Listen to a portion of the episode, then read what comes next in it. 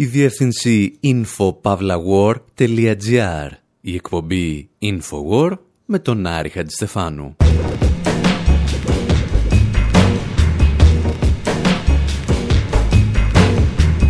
όπου σήμερα αποχαιρετάμε και πάλι τον πρόεδρο Ομπάμα. Υποστηρίζουμε ότι αν έπρεπε υποχρεωτικά να πάρει Νόμπελ Ειρήνης κάποιος Αμερικανός πρόεδρος στον 21ο αιώνα, καλύτερα να το είχε πάρει ο George Bush. Ανατρέχουμε στην ιστορία Αμερικανών Προέδρων και βλέπουμε ότι όλοι αποτυπώθηκαν στο συλλογικό υποσυνείδητο του πλανήτη για μία ή το πολύ δύο πράξεις τους και αναρωτιόμαστε ποια είναι αυτή η πράξη του Ομπάμα. Καταλήγουμε ότι ο νομπελίστας της ειρήνης θα μείνει στην ιστορία γιατί πρόωθησε με όλες του τις δυνάμεις μια νέα τεχνολογία για τον αφανισμό αμάχων, τα drones. Και ύστερα αλλάζουμε εντελώς θέμα. Εμπνευσμένοι από την ταινία του Jim Jarmus για τον Iggy Pop και τους Stooges, αναζητούμε την πολιτική καρδιά ενός πρώτο punk συγκροτήματος. Και με σχετική απογοήτευση καταλήγουμε σε λίγα στοιχεία και πολλή μουσική. The Nobel Peace Prize for 2009 is to be awarded to President Barack Obama for his extraordinary efforts το χρονολογιό μας γράφει 2009 και ο Μπαράκ Ομπάμα λαμβάνει το Νόμπελ Ειρήνης για τη συνεισφορά του, λέει, στην παγκόσμια διπλωματία. Επτά χρόνια αργότερα και ενώ ο απερχόμενος πρόεδρος αποχαιρετά τον Λευκό Οίκο, η ανθρωπότητα συνειδητοποιεί ότι την αφήνει με πολύ περισσότερα ανοιχτά πολεμικά μέτωπα από αυτά που παρέλαβε. Στην οκταετία Ομπάμα, το Πεντάγωνο βομβάρδισε το Αφγανιστάν, το Ιράκ, τη Λιβύη, τη Σομαλία, την Ιεμένη, το Πακιστάν και τη Συρία.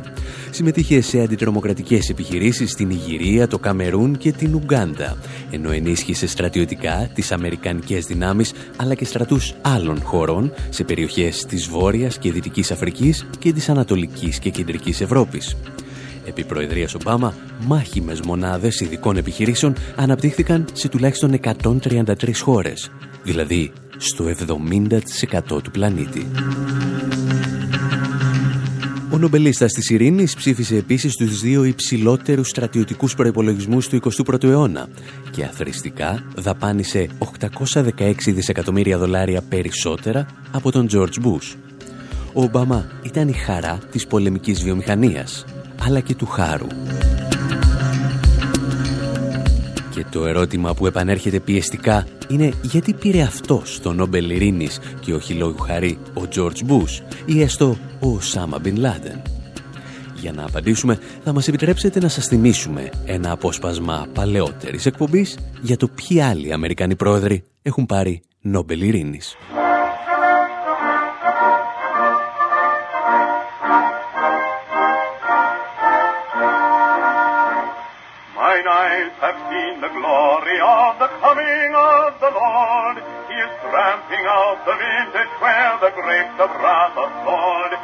Ένας από τους πρώτους πολιτικούς που τιμήθηκαν με Νόμπελ Ειρήνης ήταν ο Θείοντορ Ρούσβελτ, γνωστός στην πιάτσα και ως Τέντι.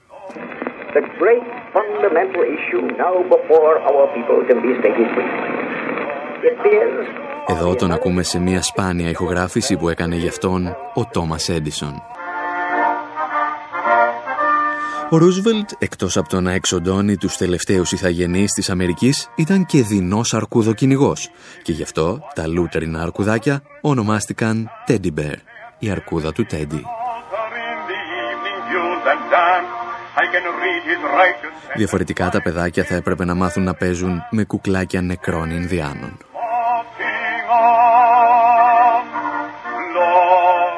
Νορβηγική Επιτροπή των Νόμπελ πάντως τον θυμήθηκε το 1906 ως τον άνθρωπο που μεσολάβησε για να τερματιστεί ο Ρωσο-Ιαπωνικός πόλεμος.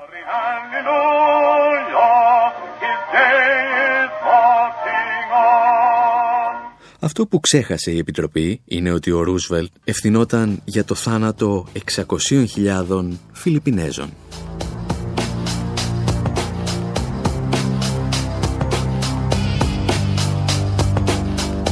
Οι Ηνωμένες Πολιτείες εκείνη την εποχή μάχονταν για να απελευθερώσουν κράτη από την Ισπανική κυριαρχία και να τα φέρουν στη δική τους σφαίρα επιρροής. Και όταν αυτό δεν ήταν πολύ εύκολο, τα καταλάμβαναν στρατιωτικά.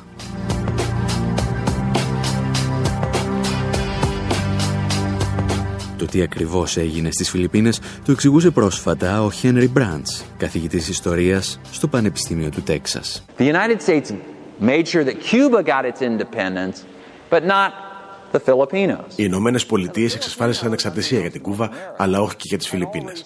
Οι Φιλιππινέζοι είχαν ξεκινήσει τη δική τους επανάσταση απέναντι στους Ισπανούς, αλλά οι Ηνωμένες Πολιτείες ήρθαν να συνθλίψουν αυτή την επανάσταση σω να σας θυμίσει κάτι αυτό, αλλά οι Φιλιππινέζοι δεν υποδέχτηκαν τα Αμερικανικά στρατεύματα σαν απελευθερωτές, αλλά σαν κατακτητές και ξεκίνησαν αντάρτικο εναντίον τους. Ω απάντηση, οι Αμερικανοί χρησιμοποίησαν σκληρές τεχνικές ανακρίσεων, όπως τη λεγόμενη προσωμείωση πνιγμού. Συγγνώμη, μπερδεύτηκα, δεν την έλεγαν προσωμείωση πνιγμού, την έλεγαν θεραπεία νερού. Waterboarding, no, excuse me, I'm confused. It wasn't called waterboarding, it was called the water cure.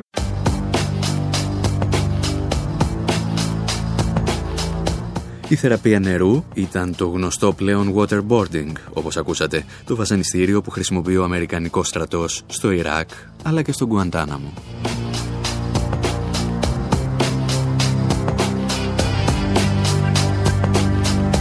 Η βράβευση του Ρούσβελτ με Νόμπελ Ειρήνης, λοιπόν, είχε τέτοια επιτυχία, ώστε η Επιτροπή σκέφτηκε να το επαναλάβει με έναν άλλο πρόεδρο, τον Woodrow Wilson.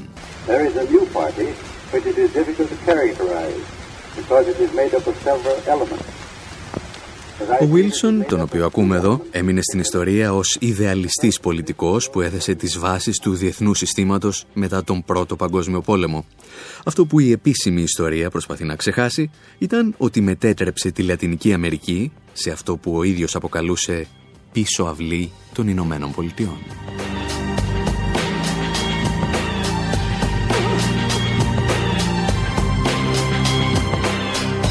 Ομολογουμένω, ο Βίλσον έβλεπε πολύ μπροστά. Κατάλαβε λόγου χάρη ότι η Βενεζουέλα έχει τεράστια κοιτάσματα πετρελαίου και αποφάσισε να την φέρει στην αγκαλιά της Ουάσιγκτον. Τα εξηγούσε όμως πολύ καλύτερα ο Νόαμ Τσόμσκι. Ο μεγαλύτερος παραγωγός πετρελαίου στην περιοχή είναι η Βενεζουέλα. Οι Ηνωμένες Πολιτείες πέταξαν έξω τους Βρετανούς υπό την προεδρία του Woodrow Wilson. Σήμερα το λένε ιδεαλισμό του Wilson. Μόλις λοιπόν ξεκίνησε η εποχή του πετρελαίου, πέταξε έξω τους Βρετανούς γιατί γνώριζε ότι η Βενεζουέλα έχει τεράστια αποθέματα. Στη συνέχεια στήριξε ένα μάτσο από αιμοσταγείς δικτάτορες στη χώρα.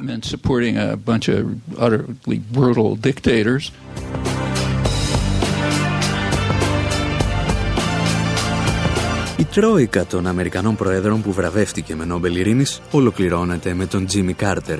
Η Επιτροπή τον βράβευσε, λέει, για την ακούραστη προσπάθειά του να βρει ειρηνικές λύσεις σε διεθνείς συγκρούσεις, να προωθήσει τη δημοκρατία και τα ανθρώπινα δικαιώματα.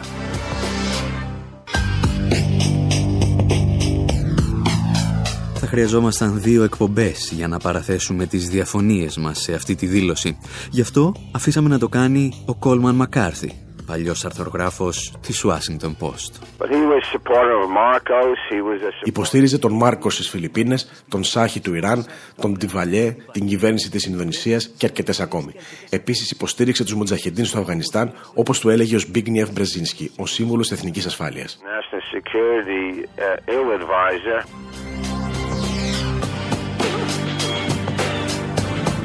Για τους νεαρότερους ή όσους δεν πρόσεχαν στα νιάτα τους να θυμίσουμε ότι ο Μάρκος ήταν ο αυταρχικός ηγέτης της Φιλιππίνες, ο Σάχης του Ιράν ήταν το αγαπημένο παιδί της CIA, ο Δέντι Βαλιέ, όπως και ο πατέρας του, ήταν δικτάτορες της Αϊτής, μέχρι που ανατράπηκαν από λαϊκή εξέγερση το 1986.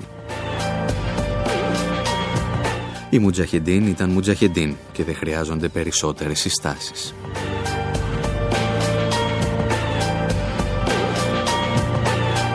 Κατηγορίες όμως για τον νομπελίστα πρώην πρόεδρο δεν σταματούν εδώ. Ορισμένοι θυμήθηκαν και την περίπτωση του Ελ Σαλβαδόρ, όπου μενόταν εμφύλιος πόλεμος. Τα έλεγε τότε η δημοσιογράφος Amy Goodman, του δικτύου Democracy Now! Αμέσως μόλις ξεκίνησε ο εμφύλιος πόλεμος στα Ελ Σαλβαδόρ το 1979, ο επίσκοπος Όσκαρ Ρομέρο παρακάλεσε τον Κάρτερ να μην στείλει στρατιωτική βοήθεια στην περιοχή. Ο Κάρτερ τον αγνόησε. Ένα χρόνο αργότερα, ο Ρομέρο σφαγιάστηκε από τάγματα θανάτου, οι διοικητές των οποίων είχαν εκπαιδευτεί από τις Ηνωμένες Πολιτείες.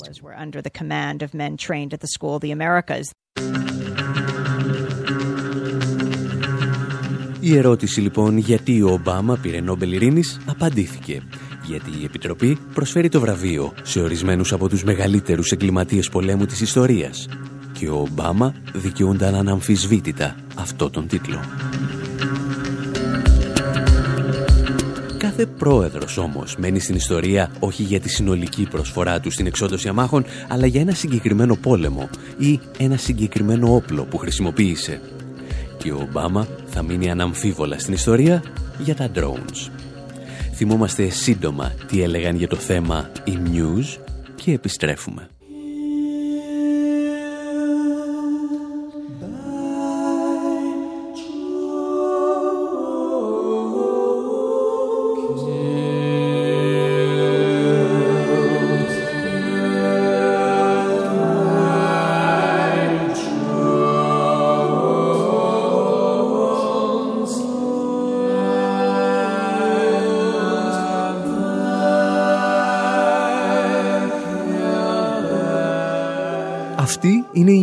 Από το τελευταίο τους άλμπουμ με τον πολύ εμπνευσμένο τίτλο Drones, μη επανδρομένα αεροσκάφη.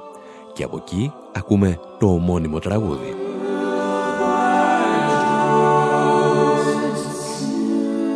Η μητέρα μου και ο πατέρας μου, λένε, η αδερφή μου και ο αδερφός μου, ο γιος μου και η κόρη μου σκοτώθηκαν από drones. Η ζωή μου βρίσκεται κάπου ανάμεσα στα δάχτυλά σου. Μπορείς να το νιώσεις. Είσαι τόσο νεκρός μέσα σου. Τώρα μπορείς να με σκοτώσεις από την ασφάλεια του σπιτιού σου με ένα drone.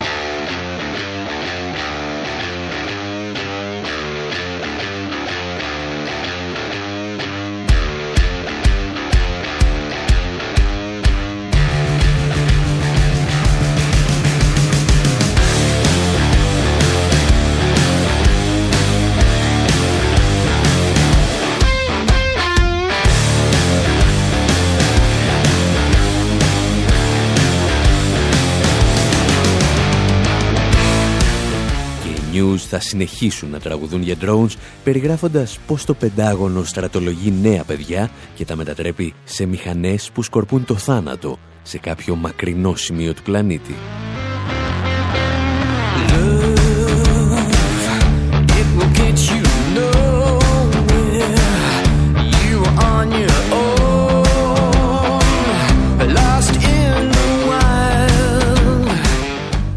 Νομίζετε ότι αυτά είναι ιστορίες βγαλμένες από ταινίες, θα θέλαμε να σας διαβάσουμε τέσσερα ονόματα τα οποία δεν έχετε ίσως ξανακούσει ποτέ και μάλλον δεν θα τα ξανακούσετε ποτέ.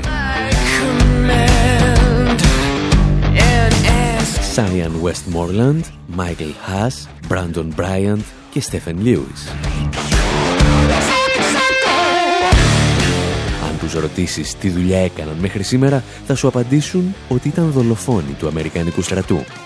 Και λένε όλη την αλήθεια. Τα τέσσερα αυτά παιδιά ήταν χειριστές drones. Η δουλειά τους ήταν να κάθονται σε ένα ήσυχο χώρο κάπου στις Ηνωμένες Πολιτείες και να χειρίζονται μη επανδρομένα αεροσκάφη, τα οποία συνήθως δολοφονούν αμάχους μόνο που σε αντίθεση με εκατοντάδες συναδέλφους τους, οι τέσσερις αυτοί άνθρωποι είχαν το θάρρος να το παραδεχτούν. Αμέσως μετά τις τρομοκρατικές επιθέσεις στο Παρίσι, όταν όλοι κατηγορούσαν και πολύ σωστά τα τερατόμορφα κτίνη του Άισις, τα τέσσερα αυτά παιδιά σήκωσαν το χέρι και είπαν «Όχι, σε αυτή την ιστορία φταίμε και εμείς. The Guardian reported Wednesday that four former Air Force drone operators have written an open letter to Barack Obama warning that the Τετάρτη ο Guardian ανέφερε ότι τέσσερις πρώην χειριστές drones έγραψαν ανοιχτή επιστολή στον Barack Obama. Τον προειδοποιούν ότι το πρόγραμμα στοχευμένων δολοφονιών με drones εκθρέφει το Ισλαμικό κράτος και άλλες ομάδες Ισλαμιστών. Όπως αναφέρουν χαρακτηριστικά, οι αθώοι άμαχοι που σκοτώναμε απλώς ρίχνουν λάδι στη φωτιά του μίσους, το οποίο τροφοδοτεί την τρομοκρατία και οργανώσεις όπως το Ισλαμικό κράτος. Παράλληλα, δημιουργεί νέες δεξαμενές για τη στρατολόγηση μαχητών, όπως συνέβαινε και με το Κουαντάναμο.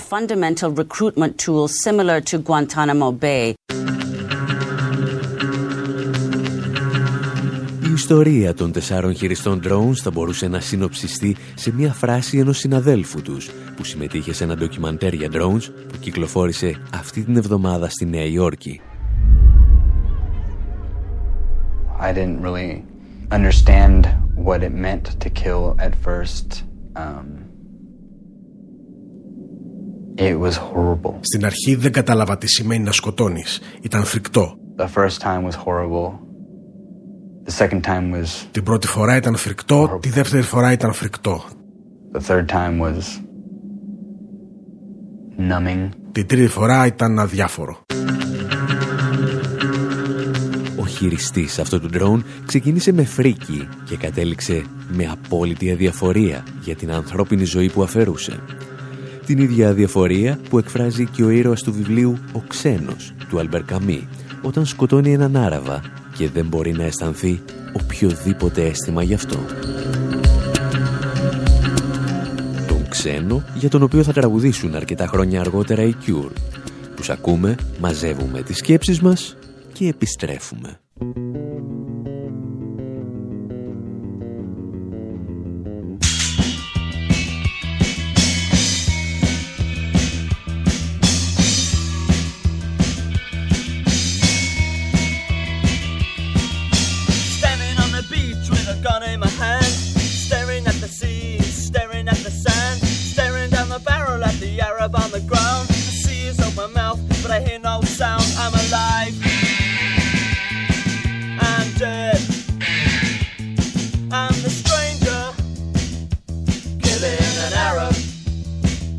Στην εκπομπή Infowar με τον Άρη Χατζηστεφάνου συζητάμε για στοχευμένες μαζικές δολοφονίες αμάχων με drones.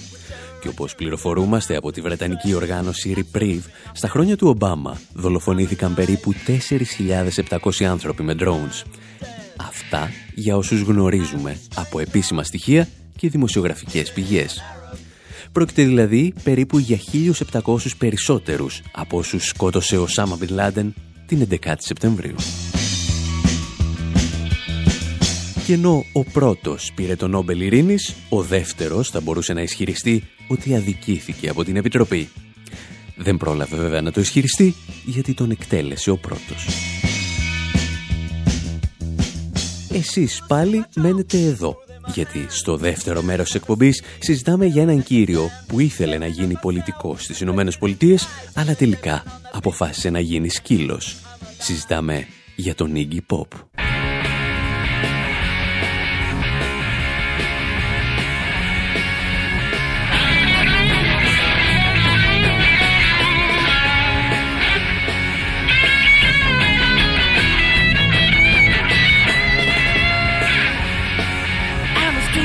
Cheetah with a hat full of napalm.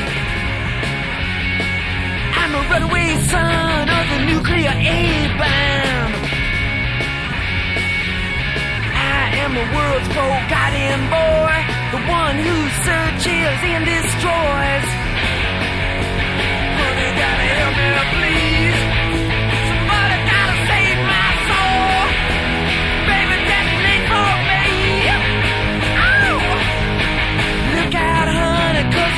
Technology. Ain't got time to make no apology. So radiation in the dead of night, love in the middle of a firefight.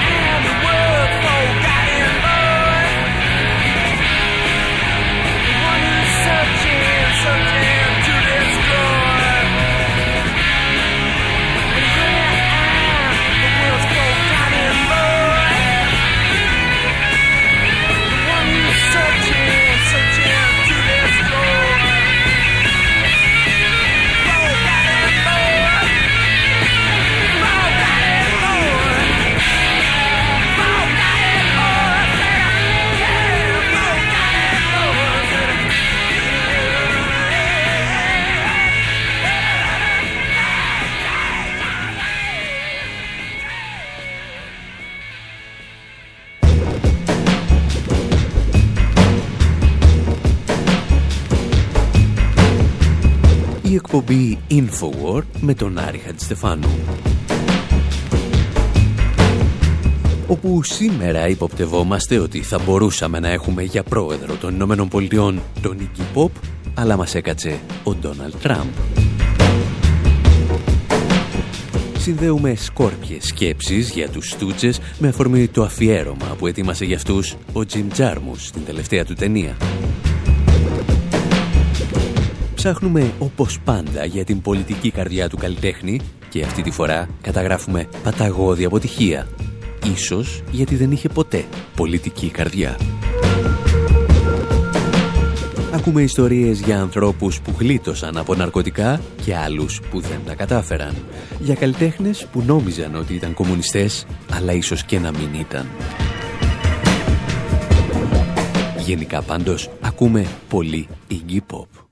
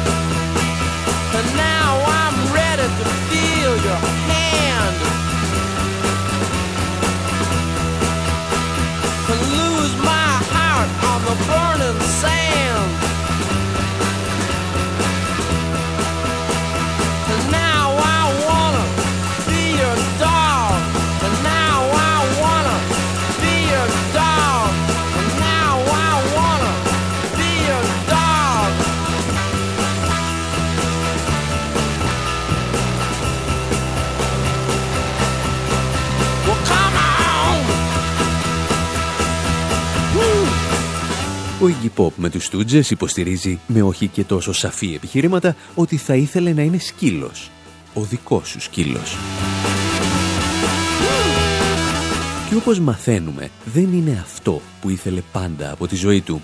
Παλαιότερα είχε διηγηθεί στην εκπομπή Newsnight του BBC, ήθελε να γίνει πολιτικός. Το πρόβλημα που αντιμετώπισε σε αυτή την επιλογή καριέρας δεν ήταν προφανώς ότι δεν θα μπορούσε να παρίσταται σε επίσημα δείπνα ημίγυμνος. Ή τουλάχιστον δεν ήταν αυτό το βασικό πρόβλημα. Αυτό που κυρίως τον έκανε να αλλάξει γνώμη ήταν μια είδηση που όπως λέει άκουσε στις 22 Νοεμβρίου του 1963. President Kennedy was shot today just as his motorcade left downtown Dallas. Mrs. Kennedy jumped up and grabbed Mr. Kennedy. She cried, "Oh no." The motorcade sped on. Η δολοφονία του Τζον Φιτζέραλ Κέννεντι το 1963 κάνει τον Iggy Pop να αλλάξει γνώμη και επαγγελματικό προσανατολισμό. Και όπως εξηγούσε μιλώντας πάντα στο BBC, το πρόβλημά του δεν ήταν ο Κέννεντι που έφυγε, αλλά αυτοί που έμειναν πίσω. Ξαφνικά, λέει, μείναμε με τον Νίξον και τον Τζόνσον. Ακόμη και ένα παιδί, αν κοιτούσε αυτούς τους ανθρώπους, θα καταλάβαινε ότι κάτι δεν πάει καλά. Και κυρίως υποθέτουμε εμείς, αυτό που τον ενοχλούσε είναι ότι οι συγκεκριμένοι άνθρωποι δεν είχαν πλάκα.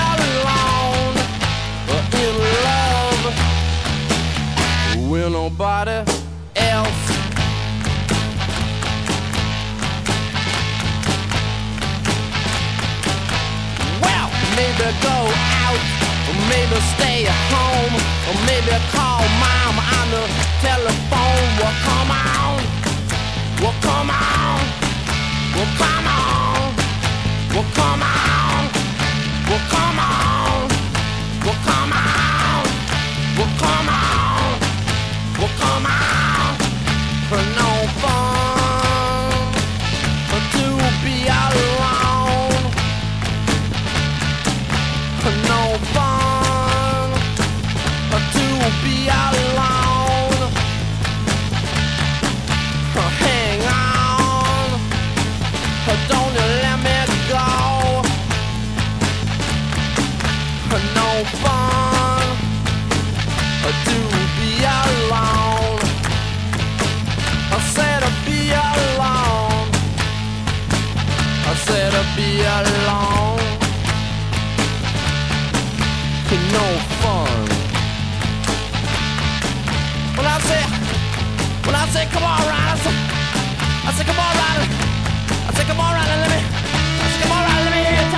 Στην εκπομπή Infowar με τον Άρη Χατζηστεφάνου παρακολουθούμε τον Iggy Pop να εγκαταλείπει το όνειρό του να γίνει πολιτικός αμέσως μετά τη δολοφονία του Κέννεντι.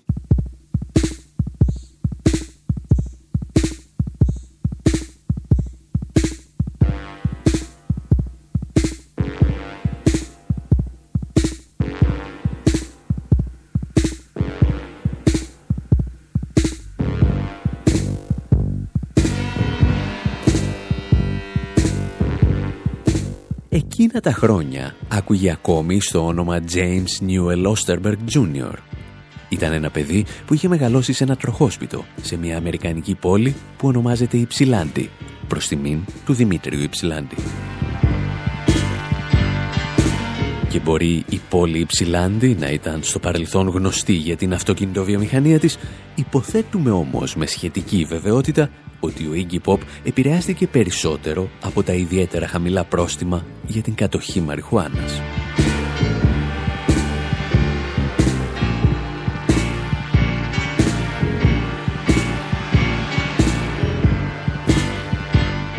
Εκείνη την εποχή λοιπόν, αντί να γίνει Κέννεντι, κατέληξε να γίνει κομμουνιστής. Ή τουλάχιστον αυτό που ο ίδιος αποκαλούσε κομμουνισμό. When I started the Stooges, we were organized as a group of utopian communists. Όταν ξεκίνησε τους Στούτζε, είχαμε οργανωθεί σαν μια ομάδα των πιστών κομμουνιστών.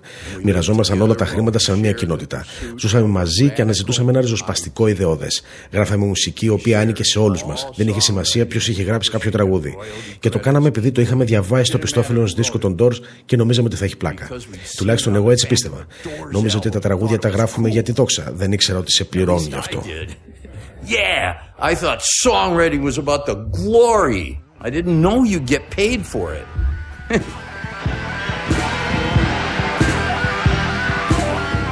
Για την ιστορία, η συγκεκριμένη δήλωση έγινε σε ομιλία του με τίτλο «Η δωρεάν μουσική στα χρόνια του καπιταλισμού», στην οποία εμφανίστηκε φορώντας ένα σακάκι χωρίς τίποτα από μέσα.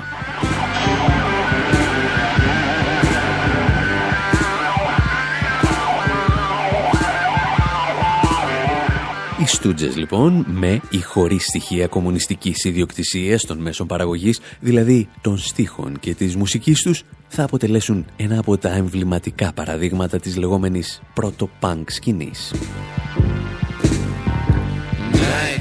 Θεργεύουν ανάμεσα σε συγκροτήματα όπως η MC5 που το 1968 συνόδευαν με τη μουσική τους τις συγκρούσεις διαδηλωτών και αστυνομίας στο Σικάγο.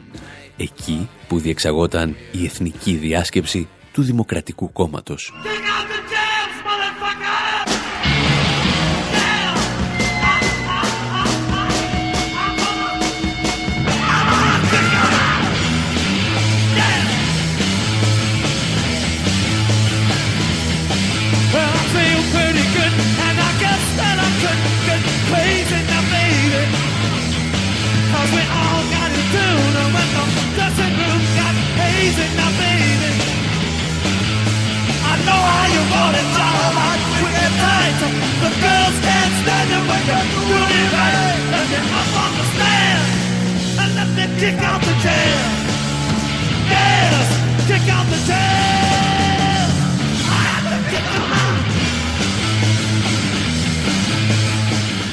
Αρκετά από εκείνα τα συγκροτήματα θα εκπροσωπήσουν επάξια τη γενιά των γήπης, ίσως το πιο μαχητικό και πολιτικοποιημένο τμήμα των χίπης, που δεν έσβησε αναγκαστικά μέσα στα ναρκωτικά.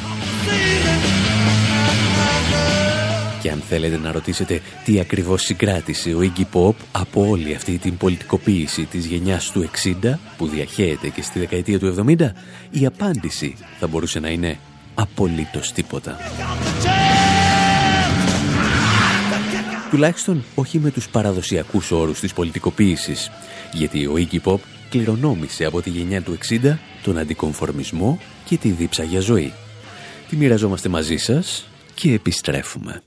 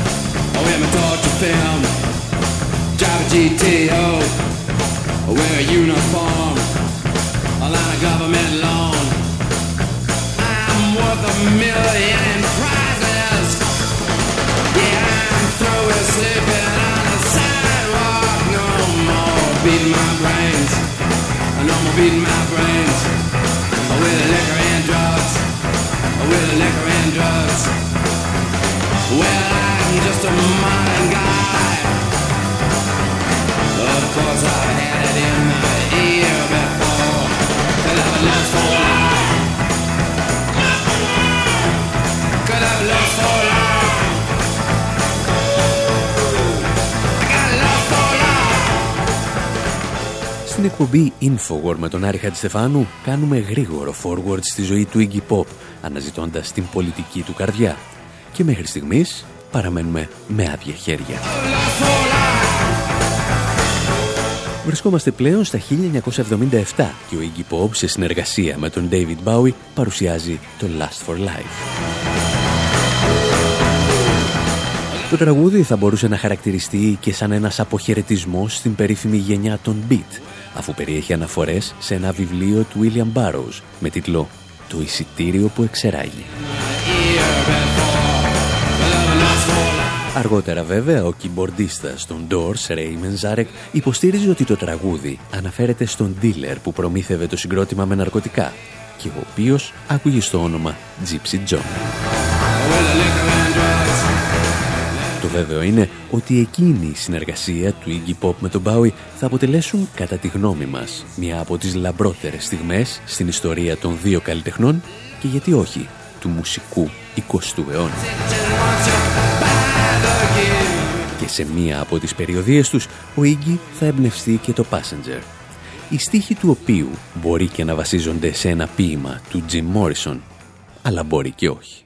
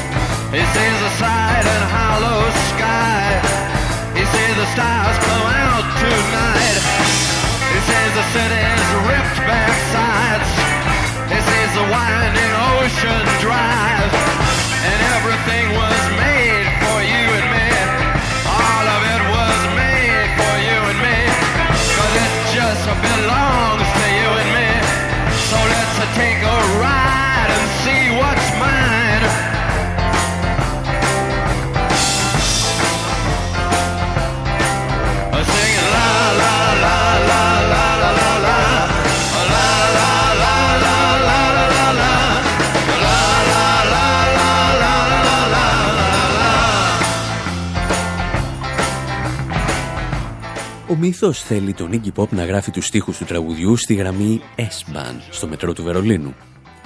Στο μυαλό του όμως, όπως έλεγε και ο ίδιος, είχε τα ταξίδια του με τον Μπάουι στους αμερικανικούς αυτοκινητόδρομους. Ταξίδια ατελείωτα, στα οποία ο Iggy καθόταν στη θέση του συνοδηγού. Όχι από επιλογή, αλλά επειδή δεν είχε δίπλωμα οδήγησης. Κάπου εδώ όμως, εμείς με αυτές τις σκόρπιες σκέψεις, λέμε να σας αφήσουμε και για αυτή την εβδομάδα. Αποτύχαμε παταγωδός να εντοπίσουμε την πολιτική καρδιά του Iggy Pop και των Stooges. Για τις άλλες φορές που τα καταφέραμε με άλλα συγκροτήματα, μπορείτε να ανατρέξετε σε παλαιότερες εκπομπές του Infowar. Όλες συγκεντρωμένες στη διεύθυνση info.pavlawar.gr Μέχρι πάντως την επόμενη εβδομάδα, όπου όλα μπορεί να έχουν αλλάξει αν το θέλετε, από τον Άρη Χατζηστεφάνου στο μικρόφωνο και τον Δημήτρη Σαδόπουλο στην τεχνική επιμέλεια, γεια σας και χαρά σας.